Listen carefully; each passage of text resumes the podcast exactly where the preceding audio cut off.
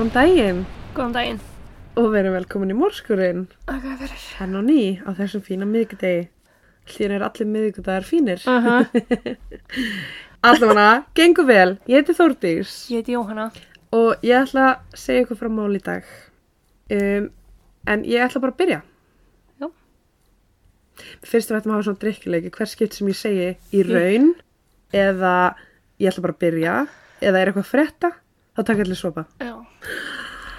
Oh, en já, herri Porko fjölskyldan samanstóða 52 ára Peter og 55 fimm ára Joan en þau kynntust í háskólanámi í Albany í New York Mm.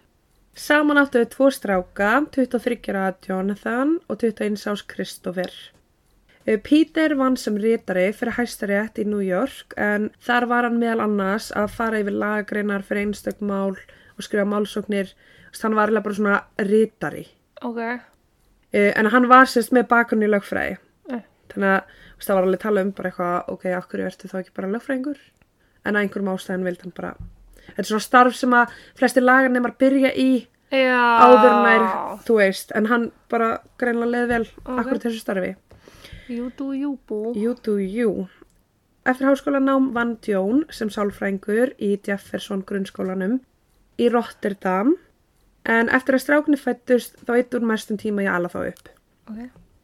Jonathan var í hernum og Christopher var í háskólanámi í Rochester en hann eitti einni miklum tíma með kærstun sinni, uh, Söru Fischer, sem var í skóla í Fairfield. Uh, fjölskyldan var vel legin í samfélaginu og áttu marga góða vini sem gáttu treyst á þau. Þann 15. november árið 2004 mætti Peter ekki vinnuna. Það þótti samstarfsfélagum hans mjög skrítið en það var það ekki líkt honum að mæti ekki án þess að láta vita. Um klukkan hálf nýju um morgunin ákveður eittira að mæta heim til hans og aðtöða hvort eitthvað að koma upp á. Hann kemur á húsinu þeirra í Delmore og tók eftir því að eitthvað var ekki alveg eins og það átt að vera. En útidra hurðin var hálf opin og liklarnir voru enn í skráargatinu ásamt því að á gangstéttinni fyrir framann útidra hurðina eða stjettinni Mm. þá voru svona litli blóðdrópar. Ok. Hann opnar hurðina og sér strax mikið blóð en við enda gangsinn sér hann lík. Hann áttar sér strax á því að um Peter er að ræða. Hann fer út og ringir lögregluna sem að mætir fljótlega á svæðið. Peter hafði verið barinn með exi nokkuð oft í höfuðið og var látin þegar sjúkralegar mætt á svæðið. Þeir fara upp á efrihæðina og taka eftir því að Joan liggur í rúmunu þeirra en hún hafði einnig verið barinn með exi en ótrúlega satt var hún enn á lífi. Það var blóð um allt og 90 cm Exi. sem notuð hafði verið við árásuna láfi hliðin á Joan en hún var í eigu fjölskyldunar. Vettvangurinn var það ógíslegur að þeirra sjúkrarlega reyndu að setja súrefnisgrím á Joan Mm. þá fundu þeir ekki munnin hennar. Mm. Þú veist, þeir voru bara, hennar vantar súrefni en þeir voru bara, veist, þeir voru bókstælega bara með grímuna á augun hennar og voru bara að andaðu en þú veist þannig að, já, hún var bara, var búið að sérst, slá hana eða berja hana eða hvað sem maður segir sem hún notar, höggvana Já. höggva hana í andlitið þannig að munnurinn var bara bókstælega, já, Ekki.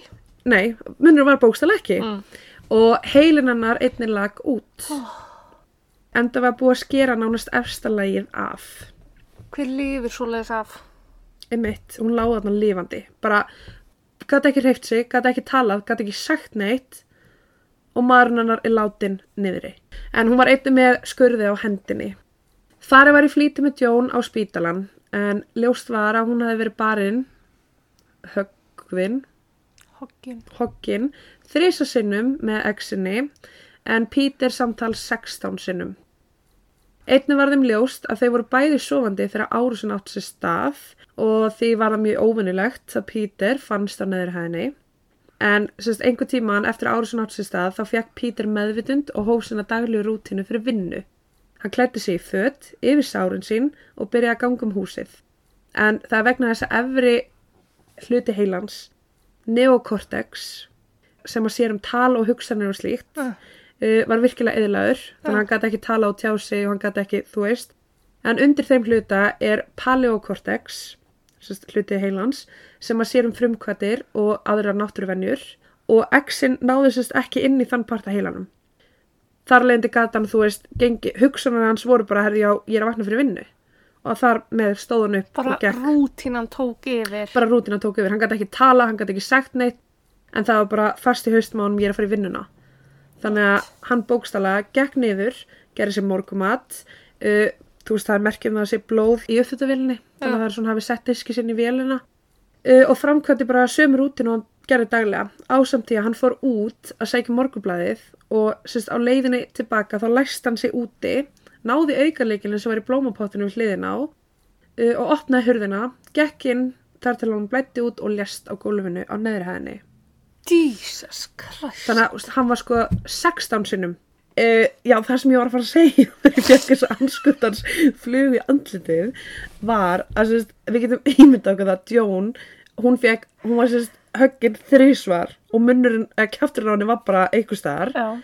Hann var höggin 16 sinnum Og hann og stóð klætt sig í peysu og lappa niður. Já, það er bílun. Það er bara, það er ótrúlegt.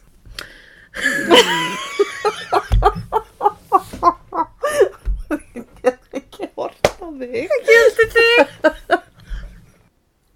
Áður en Jón fór í aðgerð var rannsónuleglumar á svæðinu sem þekkti einni til fjölskyldunar.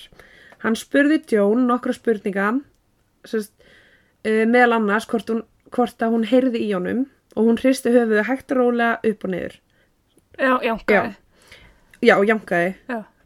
Uh, hann spurði hvort hún þekkti þann aðila sem hefði ráðist á hana og hún gerði slíkt þið sama. Hann spurði hvort það væri Jonathan og hún færði hausinn hægt og rólega til hægri og vinstri. Mm -hmm. það væri bara að segja nei. Uh, síðast en ekki síðast þá spurði hann, spurði hann hvort þetta hafi verið Kristoffer og hún færði höfuðið upp og niður sem að í raun þýtti já. Sónurinn. Mm Yngri sonurinn sem var 21 ás í háskólanámi. Krupningarlæknirinn komst að því að Peter var aðal fórnarlampið og ástæða árásarinnar en Joan hafði í raun bara fyllt með hvort hann hefði séð eitthvað eða til þess að skilja ekki eftir vitni Já. að, þú veist, einn fær 16, hinn fær 3. Mm Ekkert var tekið frá heimilinu sem benti til þess að einhver hafi verið reyður við fjölskylduna eða vilja fá einhverju framgengt. En eins og ég segði á hann, Peter og John áttu tvo sinni, Jonathan sem var í hernum. Og hann var sérst að þjóna í kjarnorku kafbóti utan landhelgi bandaríkjana þegar þetta átt sér stað. Ok. Þannig að fjárvísönur hans er bara 100%. Það er ekkert eitthvað silt í land og keirt ánga og silt svo aftur á sem einhver sjá hann. Nei. Á meðan Kristoffer var í skólanum sínum í um þryggja klukkustunda akstursfjarlægð. En sérst, hann var náttúrulega bara líka með sína fjárvistsrönnun. Já. Þannig að ef að báðið voru með fjárvistsrönnun fyrir kvöldi, af hverju sagði Jón og sonurinn að Kristoffer hefði gert þeim þetta? Segð þú mér. Höfum ekki skal segja það. Þann 15. nóvumber, daginn sem þetta gerðist, þá fekk Sara, kæristan hans Kristoffers, skilabóð frá honum sem að segir My parents are dead. En það kom um þrjúleiti, sérst 15. nóvumber. Ok. Þetta gerðist um nóttina. Já. Uh, klukkan í kringu þrjú, nýmyndir yfir þrjú, þá ringir hann í laurugluna og segir uh, bara hann heiti Kristoffer Porco og hann er að ringja til að spurja hvort að fóldra hans séu látnir. Uh, honum er tjáð að þeir geta ekkert sagt neitt á þessari stundu, skilurum. Þannig að hann ringir aftur klukkan fjögur og sagði nákvæmlega sama og lauruglan bað hann sérst um að hitta sér niður á lauruglustöð þar sem hann fekk að vita af því að fadir hans væri látin og móðir hans væri í alvarlegu ástandi. Hann var virkilega samvinnufús og vildi allt gera til þess að finna aðilann sem hefði gert fóldrunum hans þetta, meðal annars gaf hann DNA og hann leiði lauruglinni að leita á líkamannum hans. En oft er það svo að árásamæðurinn fær sár þegar um slíka árás er að ræða. Já, bara getur ekki, eða blöðrur á hendunar eða Eitthvað. Það var ekkert sem að fann sem bendi til þess að hann hefði verið viðriðin þessa hróttalegu árás á fóldri sína, hvorki mar, sár, klór. Þegar hún ræðist á tvær manneski með exi, þá hlýtur að fá einhver Einhvers konar áverka. einhvers konar áverka. Joan fekk meðvitund þrem vikum síðar og þegar hún var yfirheyrða lögreglu þá kannast hún ekkit við að hafa bent á són sinn og vissi raun ekki hver hefði gert um þetta.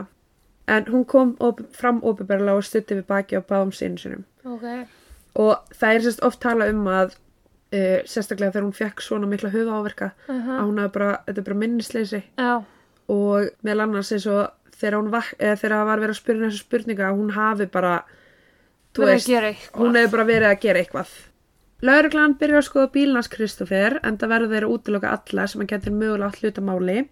Það fannst ekkert, hvorki DNA, blóð eða annars slíkt, en sérst, eina ástæðan fyrir þeir voru að skoðan var vegna þess að John bent á hann sem geranda. Þeir skoða einnig um myndbansu upptökur frá þjóðveginum á milli skólans og heimili hjónana, en hann var sérst, með áskrift á tollgjaldinu þar á milli. Hann, sérst, Já, svona bara kort. Gætt Í- gegnum eins og kvalfæragöngin voru. já, bara eins og er í kvalfæragöngunum, hún setur svona kupp í rúðuna inn og keiri framjá. Já. Það fannst ekkert um hann að nota það þetta kvöld, þannig að í raun var bara, herra, ok, þetta er, þetta er ekki hann. Æ. Á X-inni fannst ekkert fingra farið DNA, heldur einungis blóð úr Peter og Joan, þannig að það var ekkert fyrir lauruglu til að vinna með. Þeir fara þá í það að skoða alla möguleika varandi málið. Þeir finna út að Peter hafi fengið lífshótun, en maðurinn sem hóta honum hafi tapað forræðisteilu varandi barni sitt sem Peter vann að. Ah. En notabene, Peter var hvorki lögfræðingurinn í málinu, heldur sá sem að dæmdi í málinu, Nei. heldur hann sá bara um sérst lagalega hlutan og var í raun bara einhvers konar rítari Mm. þannig að það er alveg ótrúlegt að fæðurinn hafi vita nafna á honum Já, ok. Akkur sækist ekki frekar á lögfræðingin Já. Er dómaran? Já, hann, sem sagt, dómarinn og Peter fengu sérst báður lífsótun frá honum Ok. en hann endaði að vera með fjárvistasönnu fyrir kvöldið og var því útilokaður Síðan kom bref á borlauruglu sem var frá ónafgreindum aðila. Í brefinu er líst því hvernig Peter var drepinn og hvernig John var slegin með exinni og aðilinn vill að lauruglan viti að hann muni gera slíkt til sama aftur og í raun segir að það sé vera vannvirðan með því að halda, með því, að halda því fram að þetta mál sé auðsjónlegt. Hann er sérst að vitna í það að í fréttunum er búið fjallum en hann gæja sem að send, setja þessa lífshótun fram Já. og vitna í Kristoffer að þeir eru verið skoðaðir vanandi málið og hann er bara eitthvað, þú veist, þeir eru að gera lítið um mér Ah, með því að segja að málið sé svona, þú veist, þetta er miklu stærri mál heldur en bara þetta. Ok. Og hann sagði einnig að hann þekkti fjölskyldan ekki neitt, þetta var í raun bara svona úlind úlind off og hann draf þau bara og mun gera það aftur og segir svo náum mér að þið getið. Það er svona ráðmorgjavæp frá þessu brefi. Já. En það fannst ekkert fingrafar og ekkert DNA á brefinu, nýja á umslæginu sem hægt var að reyka til einhvers aðila, þannig að lauruglan bara svolítið svona að setja þetta til hliðar, bara svona til að sjá hvað myndi gerast. Það gáti ekki gert neitt úr því. Nei. Það var einn eitt fjölskyldumæðlumur sem kom upp á borð lauruglu en það var frændi Peter sem var góðkunningi í lauruglunar og hafði nýlega verið handtekinn fyrir skipulagða glæpastarsmi. Hann hétt Frank Porco og var undir smá sjá lauruglu vegna bara hvítflipabróta. Ok. Lauruglan skoðaði hann nánar en sjá í raun að hann kom ekki nálega þessu. Hann er sérst, þú getur útilokað svolítið fljótt þeir sem eru sérst í, með hvítflipabrót Uh. að það er ekki fólk sem eru vanlega morðingjar. Nei. Þú veist, það er fólk að stela peningum og eitthvað. Uh, en já, þeir sérst bara ná útilokan, þeir segja ekkert hvernig en maður er bara. Já. Laurugluna þeir komin á byrnareit og vita ekki hvernig þeir eiga að fara því að leysa þetta mál. Þeir skoða síðan líftryggingu fjölskyldunar og komast að allskinn skemmtilegu dæmi þar. Fjölskyldan var með 1 miljón dollara eða 126 miljónir íslenskar krónur í líftryggingu. Nokkru fyrir árásuna það hafði Kristoffer farið í fjármálaráðgjöf og baðum aðurstóð vegna þess að bráðulega myndan fór nokkra miljónir frá ættingja. Lauruglan skoða tölvupóstasamskipti og í ljós kom að hann hafði beðið fjölskylduna sína um að senda sér sérst persónlegar upplýsingar svo sem kennitölu, líkilorða bankareikninga, aukuskirtinni og sagði bara einhverja prumpa ástæði fyrir því að þurfa á þess að halda. Ok. Hann var að taka lán í þeirra nafni og var að fá peninga frá þeim sem átti að fara í skólan sem hann meðal annars notaði bara ekkert í skólan Ha. um, og hann, hann hafði einnig keift jeppan sinn á þeirra kortum með því að bara falsa undirskriftir og falsa tjekka og eitthvað. Fjölskyldan var með þjóðvarnakerfi heima á sér og lauruglan hafði samband við þess það fyrirtæki. En það þótti um hegðun Kristoffer fyrir morðið mjög skrítin og gati ekki verið tilvilun að hann er bara eitthvað að leita sér fjármála ráðgjöf þegar hann á 0 krónur fyrir komandi peninga en hvaðan eru peningar að fara að koma. Já, einmitt. Þjóðvarnakerfið hafði verið barið með exinni en í tölvukerfinu hjá fyrirtækinu kom í ljós að einhver aðili sem var sérst með masterkóðan Ah. slögt á kerfinu klukkan 2 um nóttina en einungis fjölskyldan var með hennan kóða. þannig að já, þú ert með sérst bara nánustu fjölskyldu með þennan kóða, svo ef það er einhverju vinnumenn þá eru þau með annan kóða, Mhm. þú veist þetta er bara einhvern veginn, og það er bara gert nákvæmlega upp á þetta að gera, Já. það er bara, þú mátt ekki segja kóðaðinn til annars aðila, þeir fá bara nýjan kóða, Já, það er bara svo í vinninni á mér, við erum með okkar eigin kóða. já, nákvæmlega til að geta auðkent hver, hver notar það gæti raun ekki verið að einhver annar hafi verið að verki en, og fyrir lauruglan að skoða nánar ferðin hans Kristoffer um þetta leiti uh, hann keirði frá háskólanum í Rochester til Slingerlands förstu daginn 12. november til þess að gista hjá fjölskyldu kæristunum sinnar Hann yfirgaf heimili þeirra klukkan þrjú þann 13. november til þess að keira aftur í skólan.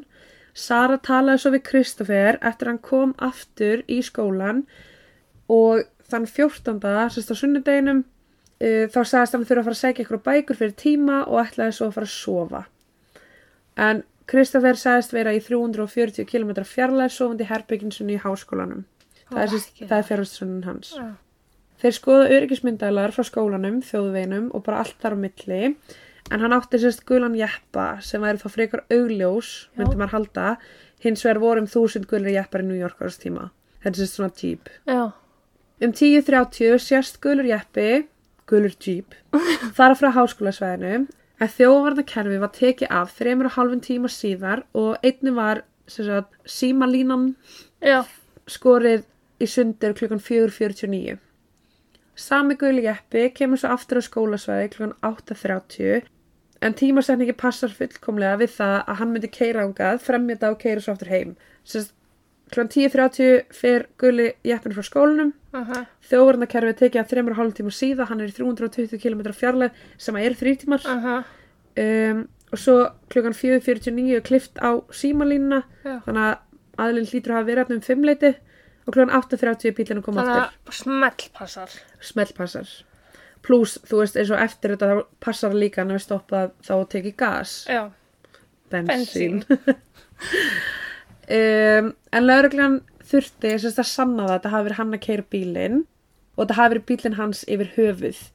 Eins og ég segi, þú veist það getur alveg verið að það hafi verið tilviljun og þetta hafi verið hver annar gulur bíl Lauruglan tekur mynda bílnum hans og rennir bílnum í gegnum gagnagrunn sem sér um myndælakerfi á þjóðvegum til þess að finna hvort hans bíl sé samilegur eða auð, líkur, eðlislíkur við annan bíl, eitthvað einkennandi eins og til dæmis drull á bílnum, limmiði, uh, dælt Mhm. eða eitthvað annars líkt.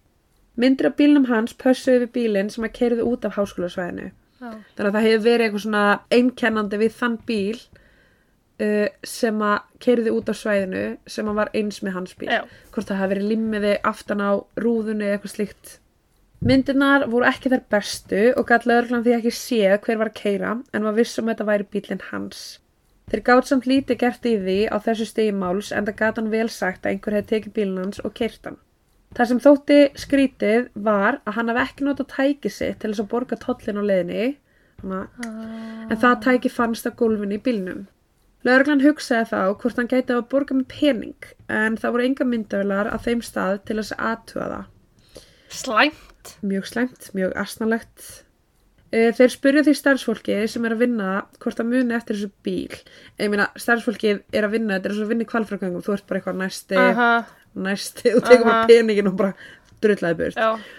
En ótrúlega sagt, það var einn starfsmæður sem að myndi eftir sérst, að gulur jeppi kerið fram hjá. Fyrsta vaktin eða eitthvað. Einmitt. En sérst, rétt áður en hún hætti að vinna klukkan 11 um kvöldi, þá kom slíku bíl en hún gati ekki sagt til um að hver var að keira. En það voru sérst 12 bílar sem að fóru þarna um á þessum tíma og lögreglan fekk alla miðana til þess að renna í gegnum fingrafur og DNA. En það er sérst, þú þarf, þú fær miða Mhm. eða svona, þú skilar inn miða, Já. bara eins og þú þurft að leggja já. Þú færði miða og svo skilur honum inn. Mhm. Þetta er nákvæmlega sama. Ok. Á einum þeirra var DNA frá Kristoffer sem að staðfestur í raun að hann var hana á þessum tíma og borgaði í tollin sem var á milli skólans og heimilisins. Okkur í mamma.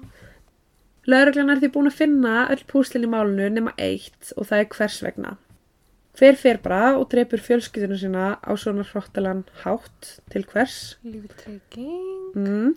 því að Kristoffer hafði falsa lán fyrir 31.000 dollara án samþekis fóldra sinna og það eru sér sönnugagn um það að John og Peter vissu af því en þau senda hann meðal annars tölvupóst og sögust vera vonsvíkin og ef hann hætti þessu ekki þá myndu við tala við lauruglu þú veist, eitthvað svona þú veist, Kristoffer minn, við elskum þig en í guðanabænum hættu að ræna af okkur annars förum við til lauruglunar Til hvers þurfti hann? 31.000 eða þú veist þetta er rúma 3 miljónir eða eitthvað. ég veist, þetta er bara kaupa bílinn sinn og gera hitt og þetta. Neyslupeningur, Bara að nota daglega. bókstaflega uh, hann var einn að fá lélegar engunir og bara á barmi þess að falla í skólanum Mm. og þar lendi voru fóldra hans hættir að gefa hann pening Já. Þeir voru bara eitthvað, herðu, ok, þú veist, þú ert bæði búin að að uh, ræna okkur pening, skilur, og að svo er það að ganga vel í skólan til hvers er að borga fyrir þetta. Já, emitt. Upptökur sína að klukkan 10.30 þá fjarlæði hann tolltæki sitt og borgaði með pening þegar hann keirði frá skólanum í áttina heimilinu. En þar skildi hann eftir DNA síni. Hann var komin heim til þeirra um tvöleitið, tók þjóvarnakerfi af, notaði exi til að ráðast á fóldra sína, 16 sinum á föður sinn og þrísvar á móður. En á einhverjum tímapunkti fattaði hann að hann hafi notað master leikilinn til að aflesa kerfinu og þar með brautum það í spað. Einmitt, Sæll. grunlausum að upplýsingarna væru ennþá til í gagnagrunni Já. grunni öryggisfyrirtækisins.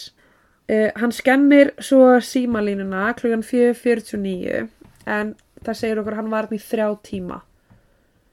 Hvað, bara chilla eftir að að... Einmitt, maður er bara eitthvað, hvað ert að gera hann í þrjá tíma? Þú veist, ég myndi halda þessi árastæki 20 mínútur. 16 sinnum fram og tilbaka. Ekki hugmynd, þú veist, kannski var hann að leita peningum með eitthvað. En það sást ekkert á honum. Það sást ekkert á honum. Ég skil ekki hvernig. Hann hefur líklegast að ráðist fyrst á pappa sinn. Já, trúlegast. Ég, já. Orðið þreytur og hoggið bara mömmu svona þreysar. Mm En það er líka mitt málið. Hann var því þrjá tíma, hann hlýtur að vita móður hans sé á lífi fyrst hann sker á símalínuna til, til þess að engin, Oh my god, já. engin ringi laurugluna. Þannig að það er eins og hann hafi, þú veist, undir með þetta hafi verið bara eitthvað, ok, ég ætla kannski ekki alveg að drepa mömmu en ég þarf að gera eitthvað. Af því að til hvers, ef hann veit að þau eru dáin, uh, til hvers er hann þá að skera á símalínuna eins og en, engin getur fara og ringt í Já, að því að það ætti rauninni ekki skipta miklu máli. Nei, af því að sá sem kemur að er hvað sem er að fara Já, geta hringt öðruvísi. Um, en það er ekki vita hvena nákvæmlega Pítur vaknaði, þú veist, hvena nákvæmlega hann lest, mhm, en það er einhver tíma eftir kljóðan 5 og fyrir kljóðan 8. já. Þannig að á þessum tímum sem hann var, þú veist, bara dundar sér að klæða sér í föt og eitthvað. Jesus. Mm Alltaf það bara vaknaði við vekjarfluguna og bara, hörru, Ég geti vel verið, sko, áfætur. bókstallega. Jétt maður. Lörglan veit ekki hvað var um fötin hans Kristoffer eða af hverju Jón tók það tilbaka að hafa bent á hann, en þú veist, læknað tellið að sé bara minnisleysi. Já. hún hafið bara vaknað þreifingu sér og bara ekki munað neitt og svo er þetta bara sonurinnar og hún bara trúið því ekki nákvæmlega. en þú veist, hún misti meðal annars auga í þessu og sko það er svolítið augljóst að einhver hafi ráðast á hana Aha. Í vitnastandinum Já, þá kom meðal annars fram að e, hann, Kristoffer hafi rænt heimilið sitt allavega þrísvar bara, já, brotist inn brotist inn og rænt sérst bara fóldra sína.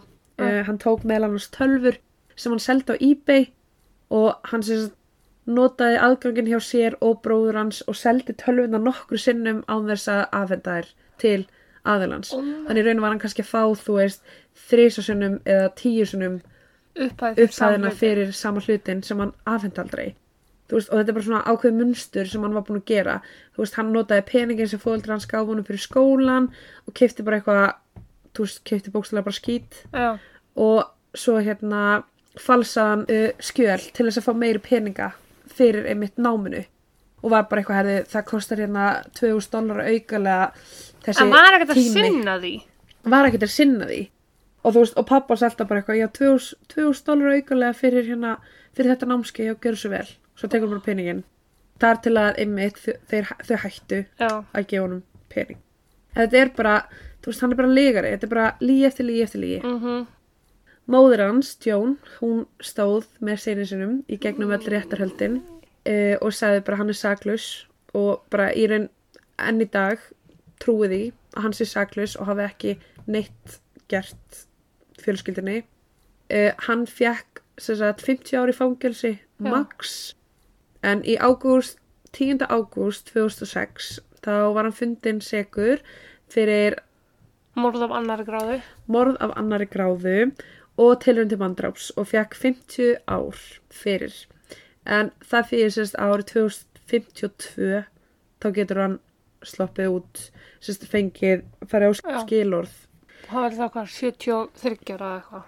Já, og hann hefur reynd að áfrýja það hefur bara alltaf verið neitað. En já, þú veist, þetta er bara ógstlega skrítið líka bara hvernig er ekki blóð í bílum hans? Já. hann hlýtur að hafa verið á floti í blóðinu hjá Mhm. fólksinum kerðið tilbaka hvernig anskotanum fór ekki eitt lítið blóðdrópi í bílina því þeir skoðuðu bílinn mjög vel og þú veist, þegar ég fyrir gegnum þetta mál það er ekki svo þetta mál hafi bara verið leist á einum degi sko þetta tók alveg nokkra vikur Og hann skrifaði brefið þá og allt sjálfur. sko það hefur ekki komið fram hvort að hann gerði það Okay. en það er alveg talið líklegt Já, eða einhver sem bara virkilega aðteglu sjúkur já. en já, allan að málun er lokið hér Ég er sjokki. En það er samt, þú veist, eitt annar mál sem að mér fannst mjög áhugavert. Já. Ég ætla ekki að fara í gegnum allt málið. En það er, sem sagt, mál sem að gerist hjá uh, Cape Town Já. árið 2015. En það er, sem sagt, 54 ára Teresa og 55 ára Martin, sem sagt, fóreldrar og 22 ára Rúti. Mm. Þau uh, fundust á fjölskyldaheimilinu látin eftir, sagt, eftir árás, eftir exi. Uh, á heimilinu var líka dóttir að Marley sem var 16 ára sem var sérst bara í alvarlegu ástandi eftir að hafa fengið bara höfa áverka af Mhm. exinni og einni yngstu svona fjölskyldunar Henry sem var tvítur en hann slasaðist lítilega Já. í atvikinu og var sérst bara með minniháttar skurði Mm.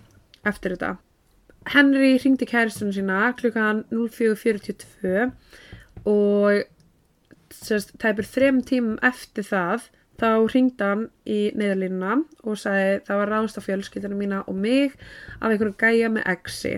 Og þú veist þessi hljóðrutun er til. Mm. þú getur hlusta á það. Og það sko tala um, hann sagði frá því að hann hefði verið slegin í höfuð og misti meðutund og þar lendi vaknaði hann bara þannig þrejum tímum eftir á. Mm.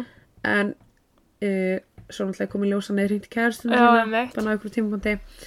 En málið er sérst að hann var ákjærður fyrir þetta morð og þegar það var farið í gegnum síman hans um, eftir þetta að þá kom í ljós að hann var sérst búin að googla akkurat uh, málið hjá porkofjölskyldinni Nei. og fekk svona svolítið mikið innblástur með akkurat það.